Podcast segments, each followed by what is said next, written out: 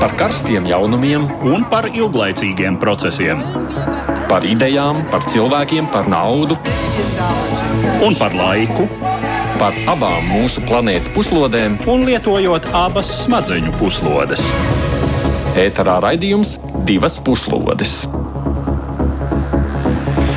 Labdien, ir 4. 1. jūlija karsta pēcpusdiena, un par karstiem jautājumiem ir gatavi ar jums runāt šī raidījuma divas puslodes veidotāji. Kamēr dodam iespēju Aidim Tomsonam izbaudīt šo karstumu, kas viņam iespējams patīk vairāk nekā man vai, vai Edvardam, studijā visu šo mēnesi jūs uzrunāšu Esuģis Lībijams, Latvijas radio ziņu dienesta. Bet tas nozīmē tikai to, ka turpmāko stundu mēs atkal runāsim par pasaulē notiekošo, un šodien tātad lielāku uzmanību pievērsīsim trijiem lielajiem tematiem. Ķīnas komunistiskā partija šodien atzīmē savu simtgadi. Viena no tikai četrām pasaulē valdošajām komunistiskajām partijām, kurai savulaik tika prognozēts tāds pats liktenis kā PSRS komunistiskajai partijai. Taču Ķīna turpina attīstīties, tās ekonomika stiprinās, turpina izplasties visā pasaulē, un nu jau tā tiek minēta kā lielākais izaicinājums visai rietumu demokrātiskajai sistēmai. Kā vērtējam Ķīnas komunistiskās partijas pirmā simtgade, kādi ir tās lielākie izaicinājumi nākotnē un cik liela nozīme ir kārtējam vadoņa kultam? Jau tā saspīlētās Eiropas Savienības attiecības ar mūsu kaimiņu valsti Baltkrieviju šajā nedēļā piedzīvojušas kārtējo krīzi, Aleksandra Lukašenko režīmam paziņojot par dalības apturēšanu Eiropas Savienības austrumu partnerības programmā. Tāpat tiek apturēta darbība līgumā par personu atpakaļ uzņemšanu. Ko šāds solis nozīmē abu pušu attiecībām un kādas varētu ietekmēt arī mūsu un mūsu drošību? Un visbeidzot, pagājušā nedēļas nogalē Francijā notika reģionālās vēlēšanas, kuras tiek uzskatītas par kārtējo mēģinājumu pirms nākamā gada aprīlī gaidāmajām prezidenta vēlēšanām. Rekordzem vēlētāju aktivitāte, vilšanās populārāko prezidenta amata kandidātu pārstāvētajām partijām un savulaik pie varas esošo spēku popularitātes atjaunošanās. Kādu signālus šādas reģionālās vēlēšanas nosūta par sabiedrības noskaņojumu Francijā vien desmit mēnešus pirms prezidenta vēlēšanām? Par šiem tematiem kopā ar ekspertiem pievērsīsimies šīs stundas laikā, bet sākumā arī dažas citas īsākas ziņas.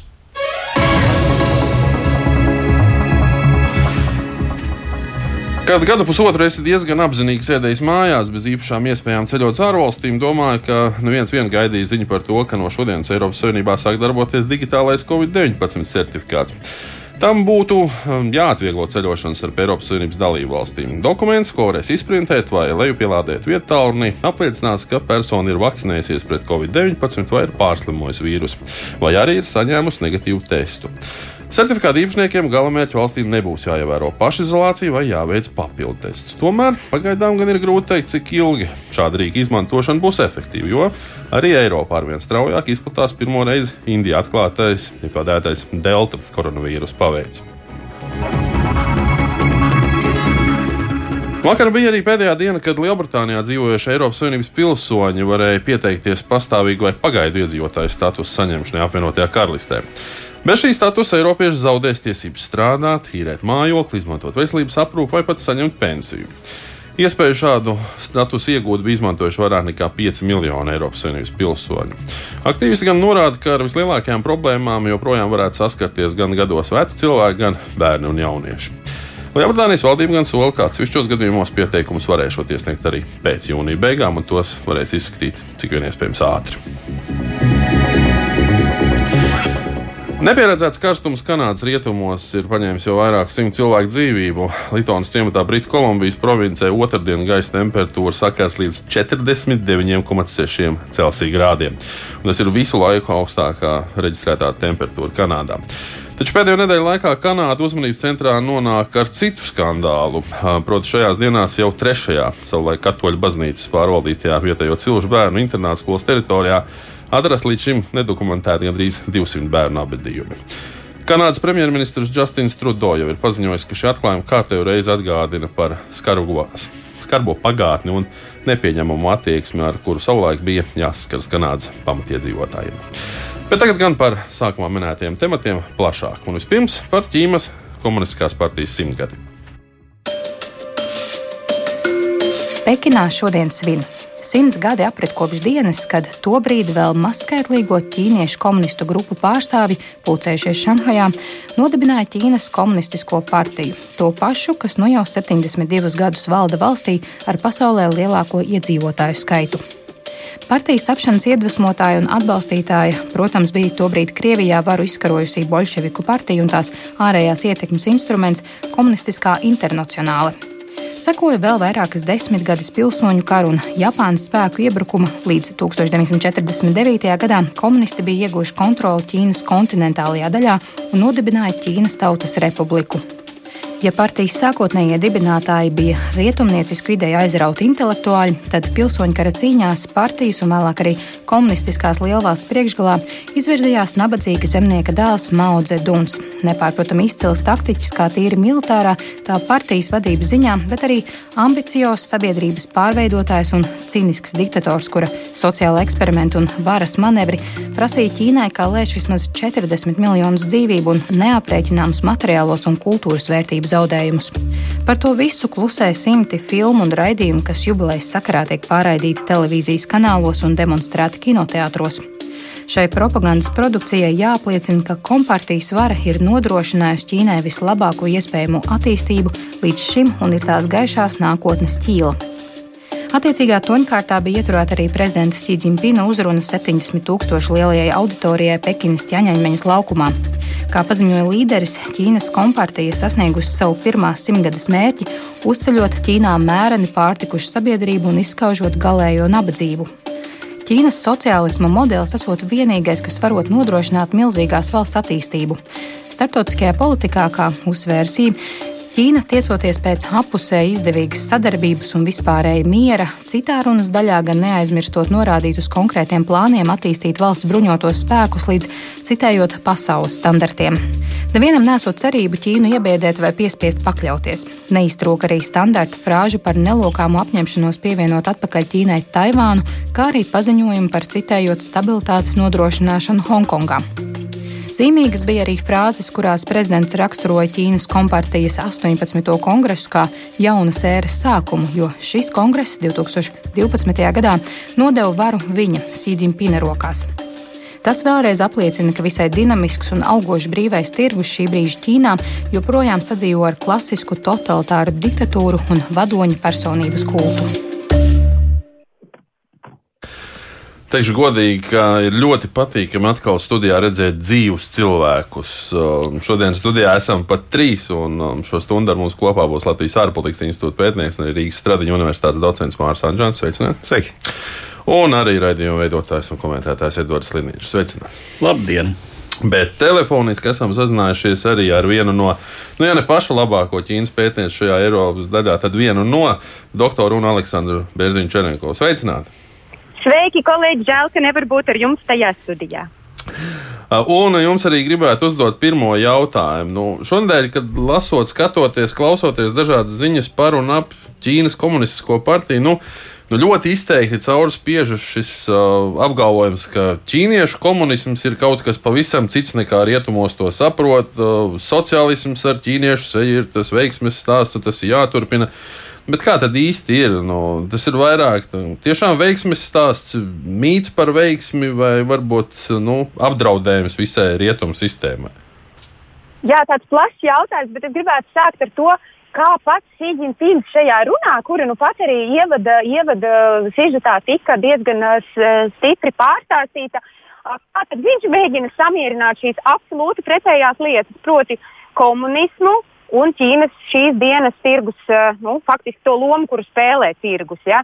Un arī to, ka no vienas puses ir jāstāsta, ka faktiski tas ir ķīniešu sasniegums, bet no otras puses jau jāatsaucās uz marksismu un arī uz leņinismu. Ja?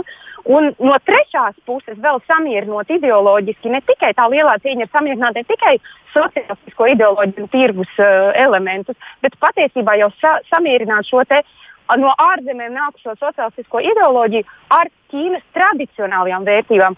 Un patiesībā nu, tas, tas, kā tas skan, ir mazliet uh, tiešām tāda liela skaidrība nevieš, bet tas parāda, ka problēma pastāv, problēma paskaidrot, kur tad ir tā sāls. Ja? Nu, kā Sīdņins teica, ja? tātad mēs turpinām uh, tātad marksisma pamatprincipus adoptēt Ķīnas situācijai. Uh, Ķīnas specifiskai realitātei un tās izcilai tradicionālajai kultūrai. Nu, no vienas puses viņš atsaucās uz Maudu Dunu šeit tiešām daudz, bet no otras puses mēs zinām, ka Maudu Duns pret tradicionālo kultūru tiešām karoja. It īpaši pret konfūtismu, kurš šobrīd tiek izvirzīts kā, kā kaut kas tāds, pret ko vairs Ķīnas kompartija nekaro. Tāpēc no vienas puses šī zīmē tādu nepārtrauktību simts gadu garumā, bet no otras puses taču ir skaidrs, cik ļoti ideoloģiski ir mainījusies partija. Es gribētu vēl, kamēr mikrofons ir manās nosacītajās rokās, ātri pateikt vēl vienu niansi. Rietumu presē ļoti liels. Um, troksnis tika sacelts saistībā uz vienu konkrētu frāzi, kuras Zīmēns minēja. Proti, uh, ja kāds mēģinās uh, mūs, uh, mūs kaut kādā veidā tātad, mums darīt pāri, tad principā viņš tiks sadauzīts, ja, tātad līdz asinīm uh, atsitīsies pret šo Ķīnas uh, mil, miljardu, pusotru miljardu lielo cilvēku sienu. Un interesantā veidā angļu versijā, oficiālajā versijā ir cits formulējums. Tātad ķīniešu tekstā nu dienu ir diezgan asiņains formulējums par to, kas tiks izdarīts un kas notiks ar Ķīnas pretiniekiem. Kur pretī uz āru oficiālajā iztulkotajā angļu versijā, Sinko aģentūras izpildījumā, ir vienkārši rakstīts, ka tie, kas ne, ka, ka, nu, ka, ka būs problēmas faktiski. Tāpēc ļoti interesanti. Tātad vēl ir tiek stāstīti divi stāsti - iekšpolitiski un ārpolitiski. Jā, tur bija stāsts par to, ka rietumnieki atsitīs galvu pret uh, Ķīnas uh, pusotra miljarda izkalto metāla sienu. Apmēram tā bija. Laikam. Uh, bet es daudz, daudz tiek arī tiek runāts par šo te. Uh, par to, ka Ķīna nebūtu nav vairs tiešām tā tradicionālā izpratnē komunistiska valsts, ka tā pat ir hiperkapitalistiska valsts. Kā tas viss iet kopā ar šo komunistiskās partijas darbību, un, un, un, un kā jūs to nu, komentējat? Jā, es gribētu pateikt, ka, protams, Ķīna nav kapitalistiska tādā izpratnē, pēc kā teiksim, tiecāmies mēs. Jā, tā, tā, ir, tā ir valsts, kurā tirgus spēlē zināmu lomu, bet kurā tomēr ar tādiem tīriem tirgus darbības principiem tālu nevar tikt. Tiek teikts, ka Ķīnā ir, tātad, ka ir, ka ir divas dažādas ideoloģijas. Faktiski rietumos mēs uzskatām uh, tirgu par tādu dabisku stāvokli un tirgus instrumentus par dabisku, dabisku stāvokli, kurus šādi tad, lai nepaliek pavisam mežonīgi rietumi, vajag nu, pieregulēt drusku tā negribīgi. Kur pretī Ķīnā ir otrādi. Ir tā, ka ir kārtība, ir plāns un tirgus ir tas regulatīvais mehānisms, kuru mēs bišķiņi ieslēdzam tajā brīdī, kad sistēma uh, nu, neattaisnojas. Ja? Tātad ir nevis cerības uz tirgu kā uz kaut ko tādu, kas, uh, nu, uh, kas principā ir tāda dabiskā lietu kārtība, bet bet tā, tas ir tāds glābiņš. Ja? Faktiski mēs to redzam arī. Tāpēc arī Ķīnas, piemēram, valsts, lielo valstu uzņēmumu reforma uh, uh, ne, uh, neattaisnojās eh, tik, tik labi, kā bija, redzē, kā bija paredzēts. Jo tā bija nevis tāda jauna domāšanas ieviešana, bet tas bija tāds krīzes regulāts, tas bija tāds krīzes glābiņš. Un es domāju, ka tur ir tā lielā atšķirība. Mēs nevaram saukt Ķīnu par uh, patiesībā hipertirgus, uh, ja, hiper uh, šādu valsti, bet arī tāpat laikā mēs redzam, ka tirgus tiek izmantots negribīgi un šur tur nepareizi, un tāpēc arī necaurspīdīgi.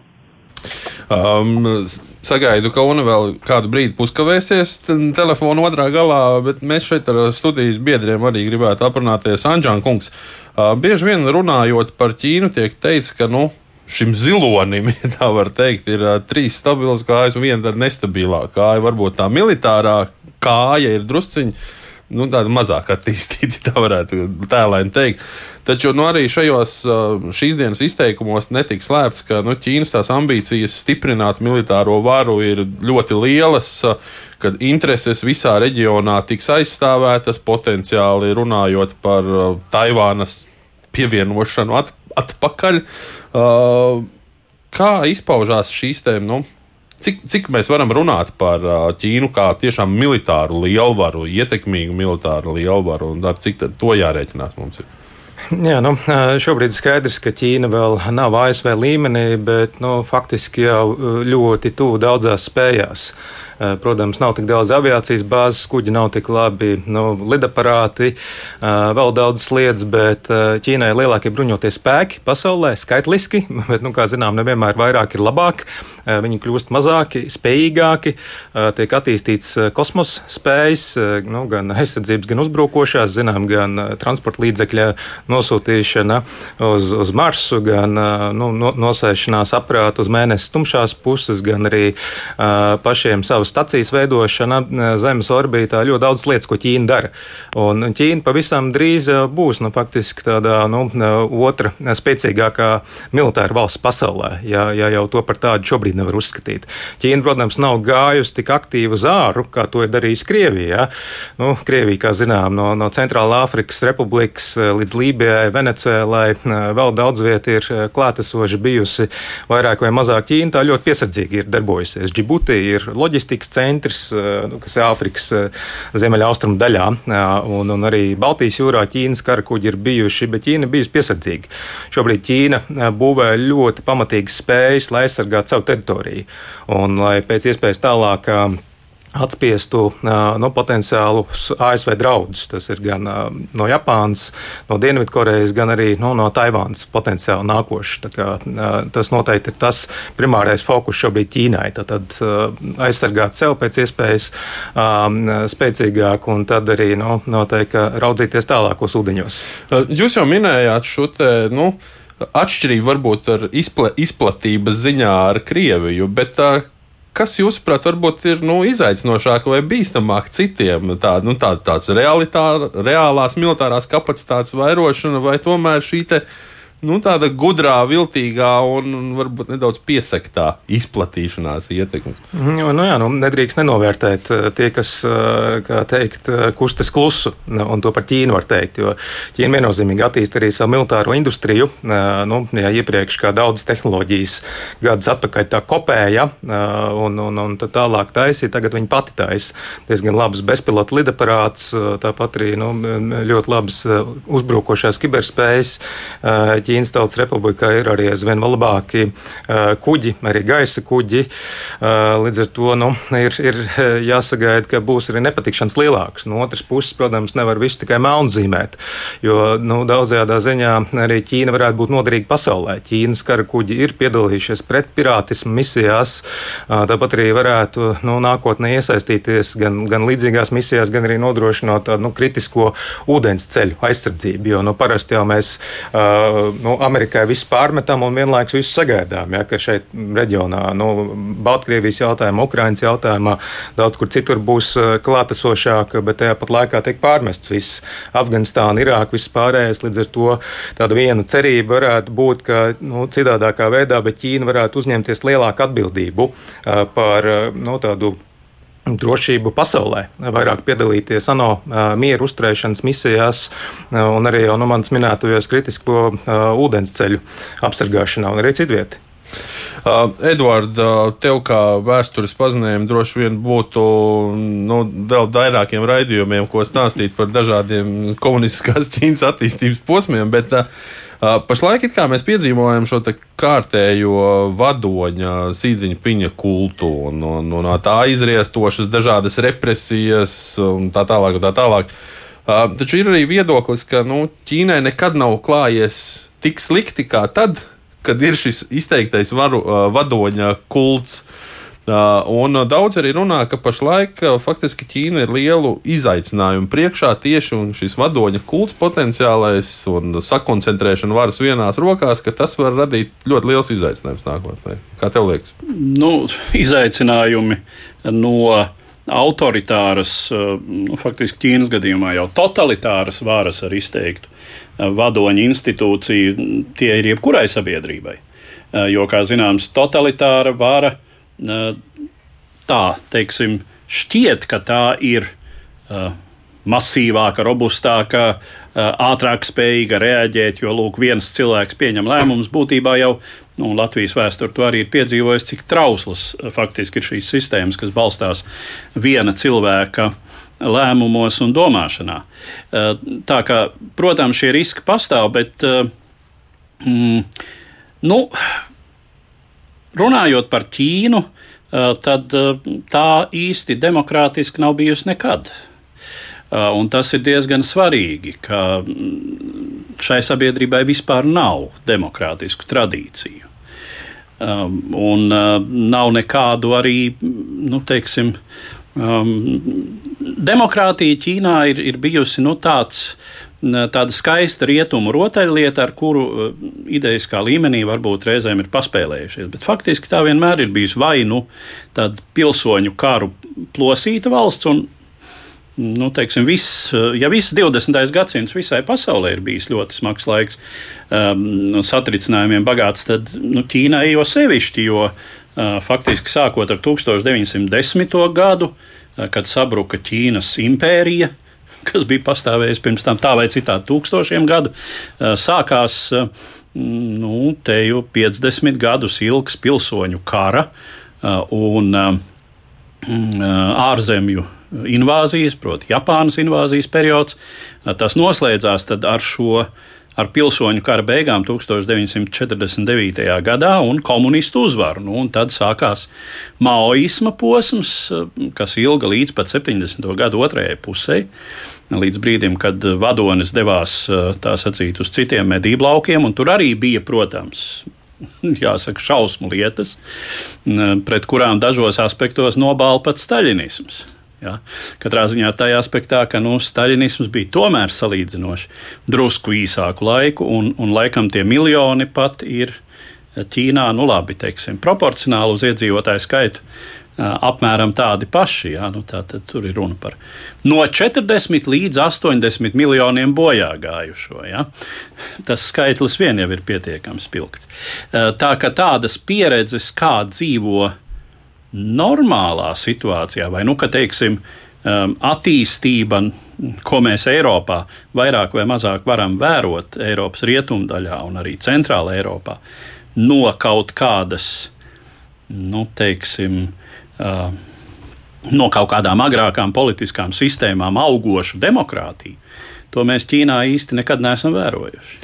Un pirms mēs noslēdzam Ķīnas tēmu, es gribētu doktorai Berzņē Čurinkovai uzdot vēl jautājumu. Nu, klausoties visu iepriekš minēto, um, Rietumos mēs bieži vien sakām, ka Ķīnā tiek pārkāptas cilvēktiesības, tiek apspiesta nezinu, uiguri, visas šīs īstenotās metodes nav rietumiem varbūt tās pieņemamākās. Taču sabiedrībā atbalsts it kā komunistiskai partijai ir.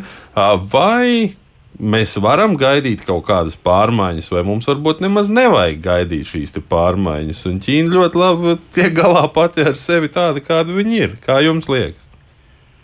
Tas, ko šobrīd uh, gan Čiģinpings, gan, gan, gan plašākā mērā Ķīnas politiskā elite, tas stāsts, kur viņi veido, ir tāds, ka uh, Ķīnas komunistiskā partija ir uh, uh, vēsturiski izveidojusies kā labākais nu, menedžmenta pārvaldības instruments, kurš visvairāk atbilst tieši Ķīnas tautas prasībām. Tā, tāds ir tas stāsts. Ja?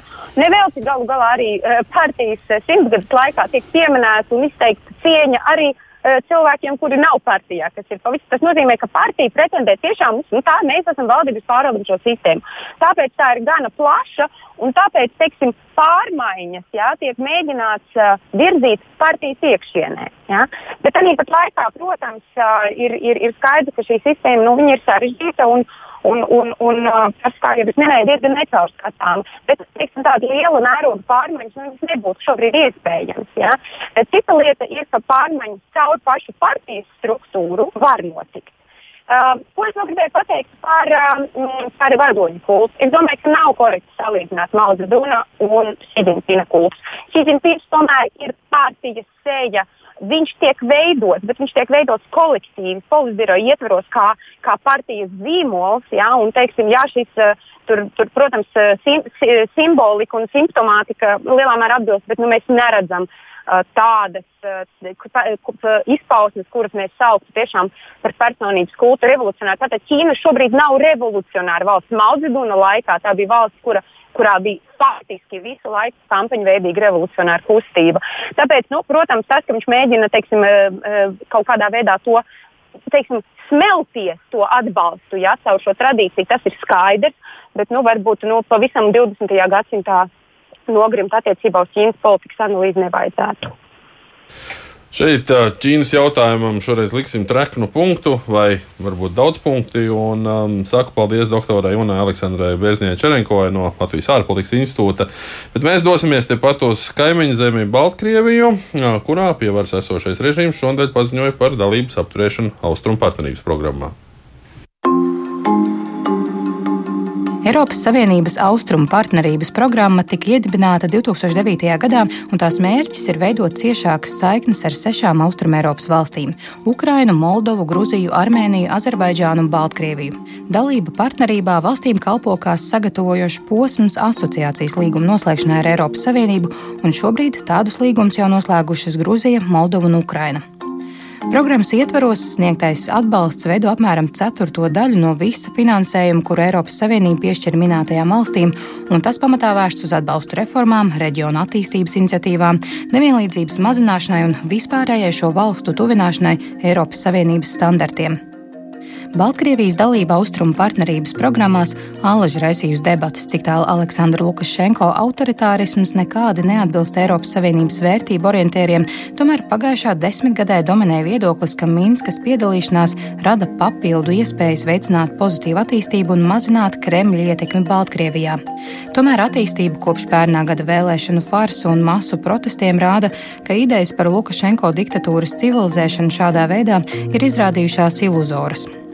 Tikai loģisks posms pēdējā laika notikumu virknē, tāpēc šķiet Baltkrievijas ārlietu ministrijas paziņojums, ka valsts pārtrauc savu dalību austrumu partnerības programmā.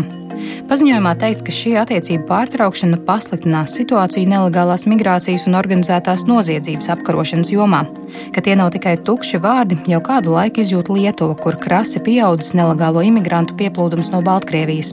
Reaģējot uz Minskas pirmdienas lēmumu, Eiropas Savienības augstais pārstāvis ārlietu un drošības jautājumos Žuzeps Borels paziņojis, ka Brisele turpinās kopdarbību ar Baltkrievijas tautu, citējot, lai stiprinātu saiknes, veicinātu reģionālo sadarbību un uzņemtos kopīgus izaicinājumus. Citāta beigas. Grūti gan spriest, kā varētu izpausties šāda sadarbība, ja to praktiski bloķē diktatoriskais režīms. Divas puslodes.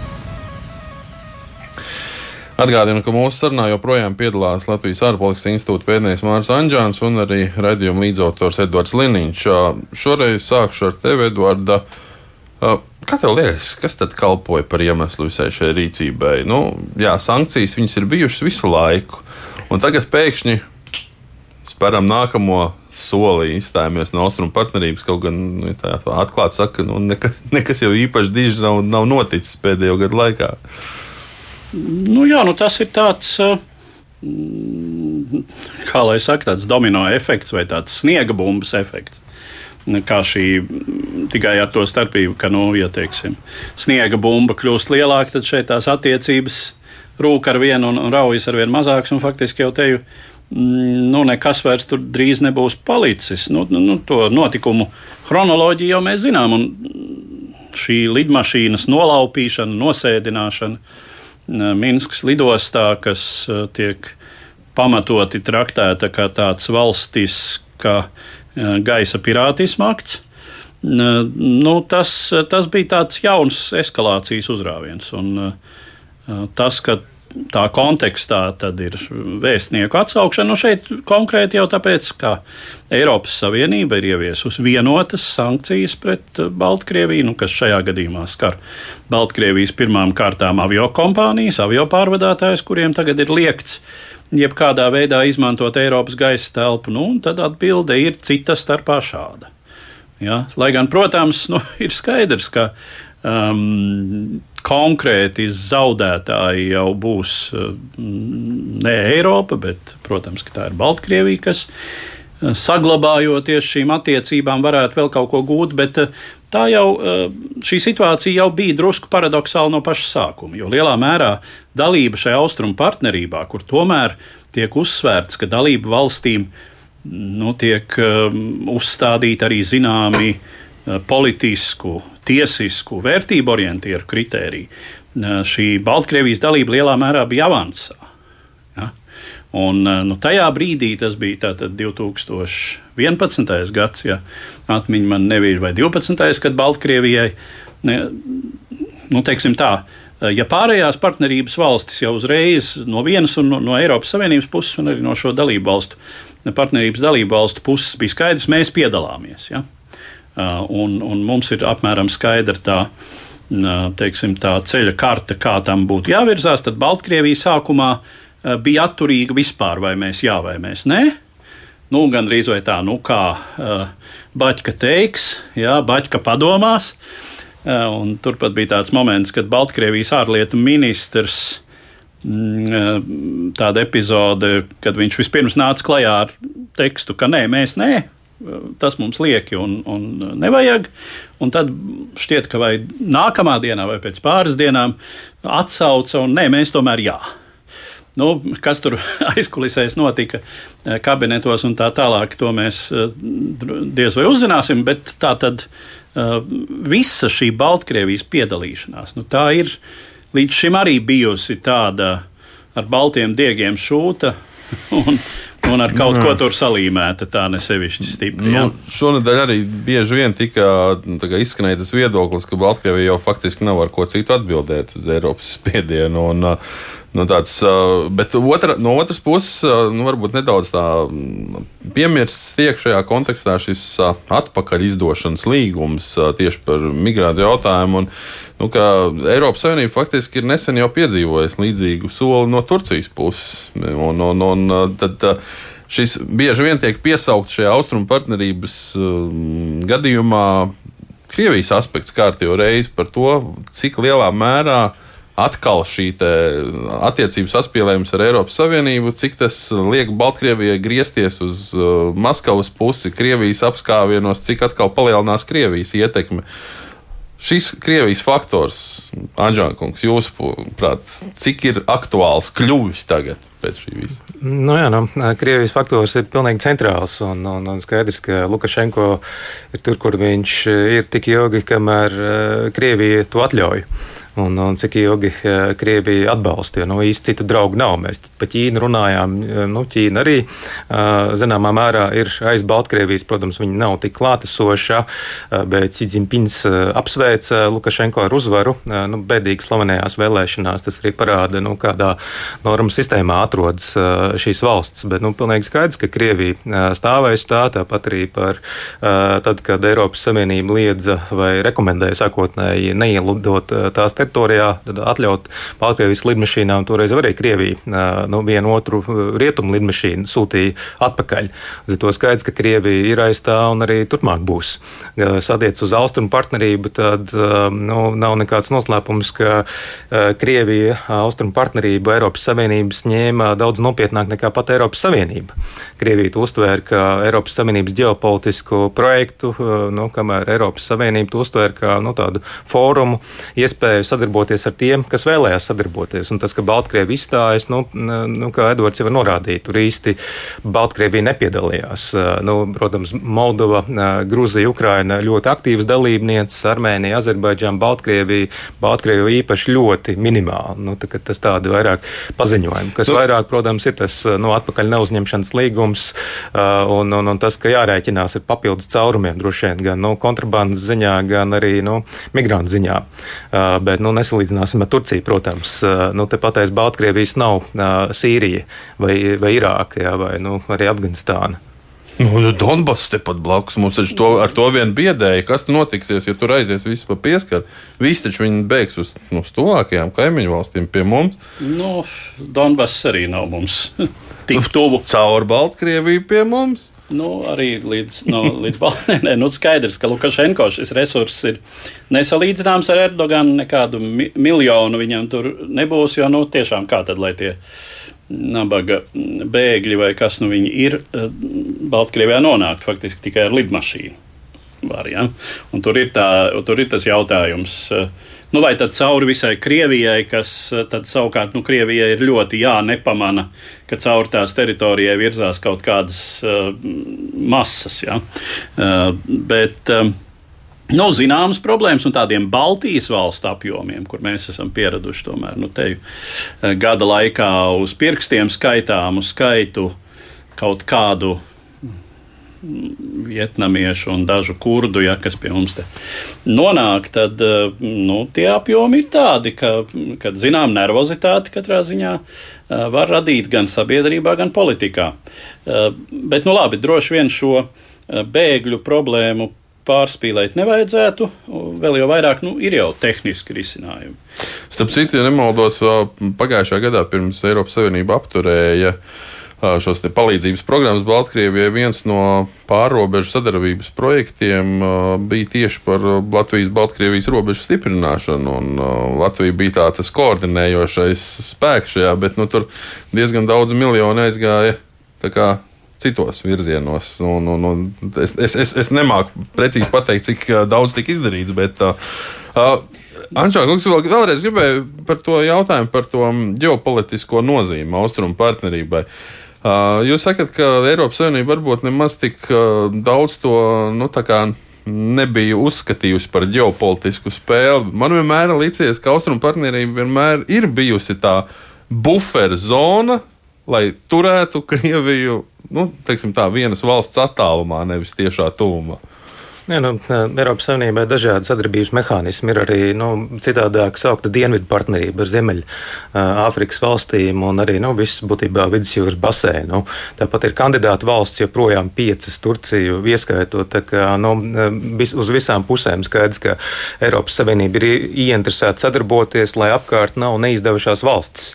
Tas varbūt tāds pamata mērķis ir bijis, bet nu, nu, šobrīd ir arī nu, pietiekami daudz dalību valstu, kur tad vēl vēl tālāk. Nu, ja Krievija uzskata, ka tiešām Eiropas Savienība vēlas uh, visus uzņēmumus, nu, tas, es domāju, ir pārpratums. Jo nu, redzam, ka tā gribēšana nav tik liela, un arī pašās valstīs to nu, vēlēšanos nav tik uh, lielas. Nu, Eiropas Savienība vienkārši arī pavisam citādāk domā. Austrumu partnerības ietvaros uh, nu, tas kā platforma tālāk ir nu, padziļinātie līgumi, kas ļauj nu, mazināt vai, vai noņemt ievadu muitas un vēl visādus citus šķēršļus. Tas ir tad, ja šīs valsts vēlas nu, nevis automātiski. Nu, tā ir iespēja, ja vēlas sadarboties, tad sadarbojas, un nesadarbojas, tad nesadarbojas. Krievija atkal citādāk pieiet lietām. Krievija arī ir Eirāzijas ekonomiskā savienība, kolektīvās drošības līguma organizācija, Krievijas NATO, pa ko maz pie mums ir diezgan dzirdēts. Un, nu, Krievija arī, protams, var pilnīgi citādāk rīkoties. Nu, vai nu nosūtīt bruņotos spēkus, vai uh, noslēgt dabasgāzi, vai arī tieši nu, pavēlēt ieslēgt tie mehānismi daudz, daudz citādāk. Nu, Eiropas Savienība Savienības garā nav tā rīkoties. Uh, par šīm sadarbības iespējām, un nu, faktiski jau arī austrumu partnerības viens no uzstādījumiem ir, ka valstis, kuras grib sadarboties, arī tur tiek aicinātas. Un, un uh, man aizrādīja, starp citu, par to, ka nu, faktiski nevis Baltkrievija ir apturējusi šo dalību austrumu partnerībā, bet Baltkrievijas režīms, kurš pašlaik ir pie varas. Jo nu, demokrātiskie tā dēvētie spēki ar Svetlanu Cihanovsku priekšgalā ir teikuši, ka nu, viņi viņi strādās pie tā, lai saglabātu dalību austrumu partnerībā. Vai šeit nerodās arī Eiropai kaut kāda, nu, mm, nu es nezinu, vai tā ir dilemma vai ko, cik nopietni sadarboties ar tādu Svetlancihanovs, kā ar demokrātiskiem spēkiem. Jo teorētiski, nu, es vienmēr esmu teicis, ja tu neatzīsti vēlēšanas kā notikušas, tad tu nevari īstenībā atzīt arī otru cilvēku, kurš tajās vēlēšanās varbūt tiešām ir uzvarējis. Kā jūs saskatāt šo potenciālo sadarbību un dilemmu? Nu, jā, nu jāskatās, diemžēl, vai kā jāskatās lietām reāli. Nu, Baltkrievijas gaisa telpu sauszemi kontrolē Lukašenko nu, un nu, viņa pārvaldītājs uh, saucam par režīmu institūcijas vai kā. Uh, un, nu, protams, var vienmēr runāt ar opozīciju, ir jārunā, bet jābūt pietiekami reāliem. Līdzīgi arī mēs runājam par Sidziņu Piņu, kurš nekad nav ticis ievēlēts. Vēlēšana nav Ķīnā kā tādu. Nu, ko tad darīt? Nerunāt ar, ar nu, režīmu, kas pārvalda Ķīnu. Un, nu, arī ļoti, ļoti daudzās valstīs nav gluži demokrātiski režīmi. Tiešām nu, demokrātija saka, arī neiet pat vairumā, ja mēs paskatāmies uz dažādiem reitingiem. Līdz ar to no Eiropas Savienībā arī ir tāpat kā citām valstīm ir nu, jāpieņem realitāte, kāda viņi ir, vienlaikus atbalstot opozīciju, cerot, ka lietas paliks labākas. Edvard? Nu, protams, ka tā pārnest Daži, starp citu, kaut ko tādu mēģināja saklausīt šai um, Josepa Borela izteikumā par to, ka nu, mēs tagad sad, ka, jā, ka mēs, uh, sadarbosimies ar Baltkrievu tautu un turpināsim savu atbalstu. Jā, bet nu, nu tā viens pret vienu jau, protams, uh, nevar iedomāties, ka tās programmas, kas bija domātas, atbalsta programmas, kas bija domātas nu, kaut vai tai pašai pilsoniskās sabiedrības uzturēšanai Baltkrievijā, var tā viens pret vienu pārnest, lai gan nu, no otras puses droši vien, ka um, var izmantot zināmus instrumentus un kaut kādas iespējams, ka daļu arī no šī finansējuma, lai atbalstītu to pašu Baltkrievijas opozīciju, uh, kā tas būtu jādara jebkurā gadījumā. Um, tā kā Uh, nav gluži, es teiktu, bez pamata arī šie Svetlānas Cihanovskas izteikumi par to, ka nu, viņa ir gatava um, teiksim, uh, ņemt to atbalstu sev, ko, uh, ko Lukašenko atgrūž. Nu, visdrīzāk, ka, jā, ka kaut, kāda, kaut kāds atbalsts, kas idejiski katrā ziņā pienākas šai Baltkrievijas opozīcijai, kas šobrīd neatrodas Baltkrievijā. Um, vai, teiksim, ir iespējas mm, uh, šo palīdzību kaut kādā veidā tomēr nogādāt Baltkrievijā? Baltkrievijas sabiedrībai, apējot Lukašenko. Nu, par to gan es šaubos. Un, un man liekas, ka ir, šis ir viens no izaicinājumiem, ka Eiropas Savienībai pierādīt, ka viņi tomēr spēja arī to savu solījumu austrumu partnerības ietvaros pildīt. Nu, un kaut kādā veidā to savu, savu solījumu nogādāt līdz tai solītajai mērķa auditorijai. Labi, liekam arī Baltkrievijai punktu un uh, pievēršamies Francijai, daudz eiropeiskākam jautājumam un Francijas reģionālajām vēlēšanām. Svētdien vēlēšanu otrajā kārtā tika izraudzīti Francijas reģionu prezidenti, kā arī reģionu padomis nākamajiem sešiem gadiem. Pēc 2015. gada reformas, kad agrākie reģioni tika apvienoti lielākos, Francijas Eiropas daļā tādu ir 13, bez tam ir vēl 5 samērā nelieli aizjūras reģioni kādreizējos Francijas koloniālajos valdījumos. Galvenā vēlēšana intriga bija reģionu prezidentu posteņu, jo to sadalījums ļauj izteikt prognozes par iespējamo nākamgad gaidāmo Francijas prezidenta vēlēšanu iznākumu, un vairāki no šais vēlēšanās startējušiem kandidātiem ir potenciāli pretendenti uz valsts galvas amatu nākamgad. Līdz šim vairumā reģionu vara piederējusi sociālistiem, liberāli konservatīvajai partijai republikāņu, kā arī mazāku labējo partiju apvienībām. Lielais jautājums bija, vai viņus no šīm pozīcijām izdosies izsist pašreiz pie varas valstī esošajai prezidentai Emanuela Makrona partijai uz priekšu republika, vai arī tās pamanāmākajam konkurentam Marinas Lepēnas labējai radikālajai Nacionālajai frontei. Izrādījās, ka nē un vēlreiz nē. Visi līdzinējie reģionu prezidenti šajās vēlēšanās saglabājuši savus amatus, un tas liek ar zināmu optimismu uz nākotni raudzīties gan sociālistiem, gan mēreni labējiem. Iespējams, ka nākamā gada prezidenta vēlēšanas tomēr nebūs prognozētais duelis starp Makronu un Lepēnu, bet šo scenāriju var būtiski pamainīt vēl kāds. Kā potenciālai kandidāti uz valsts augstāko amatu no pašreizējo reģionu vadītāju vidus tiek minēti mēreni labējie - republikānis Lorāns Vokjē no Overņas Ronas Alpiem, partijas būsim brīvi pārstāve Valerija Pekresa no Ilderfrances un šobrīd neatkarīgais politiķis Ksavjē Bertjāns no Oderfrances. Šoreiz sākšu ar jums, Anģēnkungs. Vēlētāji Francijā, lai arī pasīvi, bet tomēr neatbalsta galēji labējos spēkus, sadod pa mizu arī pie varas esošiem liberālajiem spēkiem, prezidenta partijai. Dod priekšroku konservatīvākiem spēkiem, ilgus gadus arī valdījušiem sociālistiem. Atkal atgriežamies pie sociālisma. Tikai nedaudz laikam savādāk nekā ķīniešu sociālisti. Ļoti, ļoti savādāk. Par ko šāda noskaņojuma maiņa varētu liecināt tādā lielā, ietekmīgā Eiropas valstī kā Francija? Nu jā, nu šīs pašvaldību vēlēšanas, ka daudzās valstīs tas var nozīmēt kaut ko un var nenozīmēt nu, neko. arī pilnīgi neko. Un, nu, pašvaldību vēlēšanas, arī, kā minējāt, ir diezgan zema aktivitāte bijusi laikam ar trešdaļu tikai nu, balstiesīgo, kas nav izņēmums arī nu, mūsu platuma grādos, bet nu, tomēr aktivitāte diezgan maza. Prezidenta partija diezgan maz saņēmusi balsis, bet nu, laikam šis bija arī pirmās pašvaldību vēlēšanas, kurās nu, viņa partija vispār piedalījās. Un, un, protams, nu, nevar arī strept karstu un spriest par prezidenta vēlēšanām, nu, par Makrona izredzēm. Jo atcerēsimies, pats Makrons vispār kādu gadu pirms vēlēšanām parādījās tikai uz tādas nu, lielās politikas skatuves, kā nu, nopietnas pretendents. Līdz ar to nu, nevajadzētu droši vien pārspīlēt vēl ar spriedumiem. Skaidrs, ka tās uh, prezidenta vēlēšanas tuvojās, un tas būs arī pats izšķirošākais moments.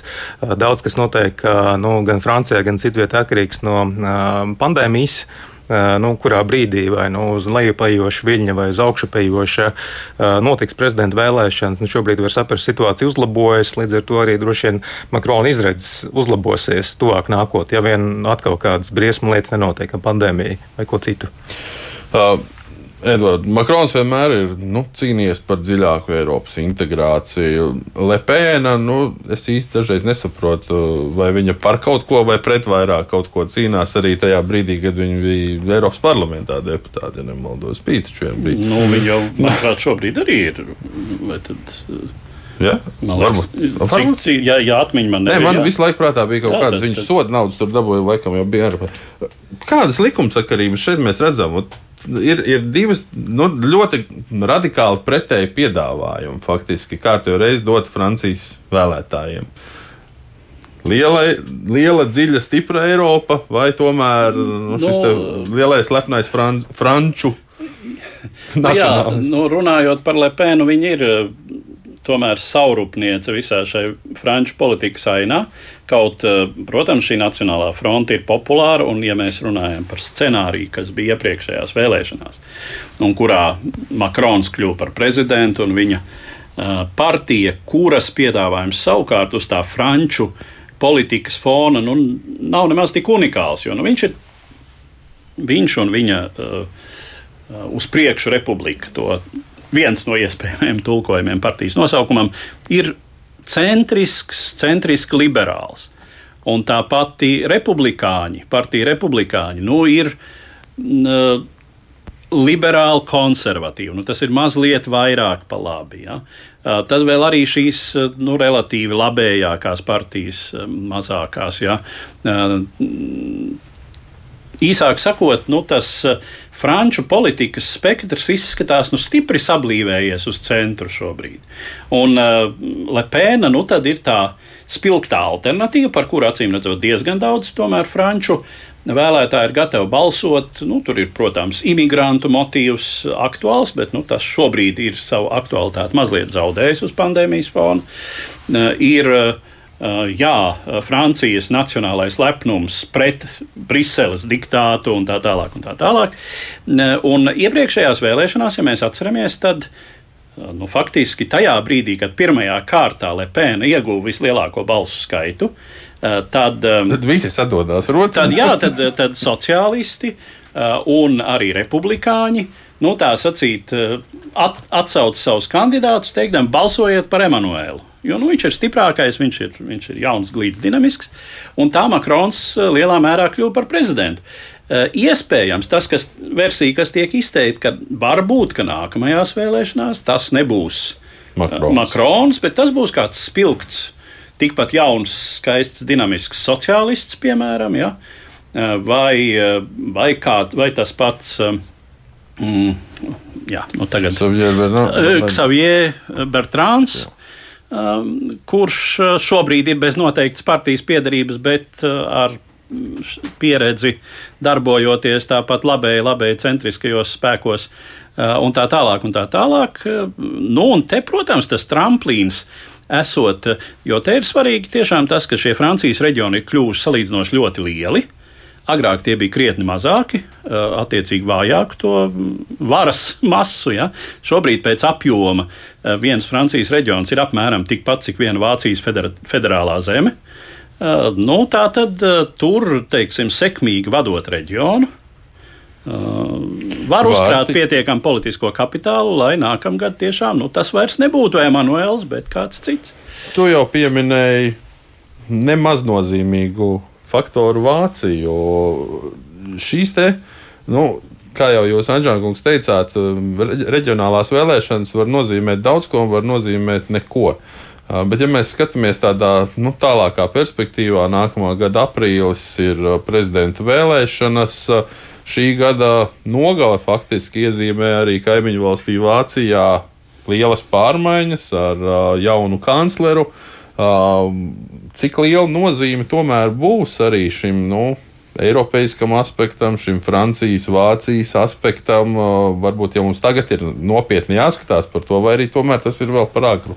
Un jau jūsu minētie faktori, kā pandēmija, to visu var pagriezt ar kājām gaisā. Nu, pilnīgi noteikti, ka Vācija un Francija paliks centrā um, Eiropas. Es domāju, nu, ne tikai geogrāfiski. Nu, protams, lietuvieši uzskata, ka netālu no viņas ir Eiropas geogrāfiskais centrs, bet nu, tik un tā tas ir Eiropas motors Francija, Vācija. Un es prognozētu, ka nu, neskatoties to, kurš eh, būs pie varas, ka nu, virziens apmēram būs līdzīgs uz tālāku sadarbību.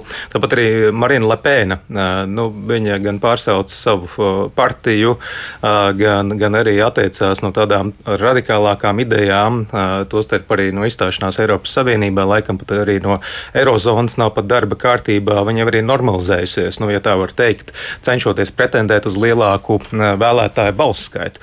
No otras puses tiek arī nu, norādīts, ka varbūt ka tas ir ļāvis viņai pazaudēt vēlētājus, nu, ka viņai neizdodas izdodas vairāk nu, tā, saka, sadalīt un enerģizēt nu, grupas, kas varbūt nu, jūtas sliktāk par dziedām. Bet, nu, jebkurā gadījumā, nu, gan, gan Vācijas, Vācijā notiekošie procesi, gan arī Francijā noteikti pārmaiņas nesīs, bet nu, netik lielas, lai būtu liels nobīdes Eiropas Savienības ietvaros. Nu, jā, Vācijā mēs uh, ar lielu iespējamību prognozējam, ka mums varētu būt uh, zaļš kanclers, tātad no Vācijas zaļās partijas. Uh, Francijā tas tiek atzīmēts, ka zaļie ir salīdzinoši vāji. Um, nu, varbūt trūkst tradīcijas, varbūt trūkst programmas, un, un šīs programmas varbūt ir sekmīgāk integrējuši citi politiskie spēki šo zaļo pieeju.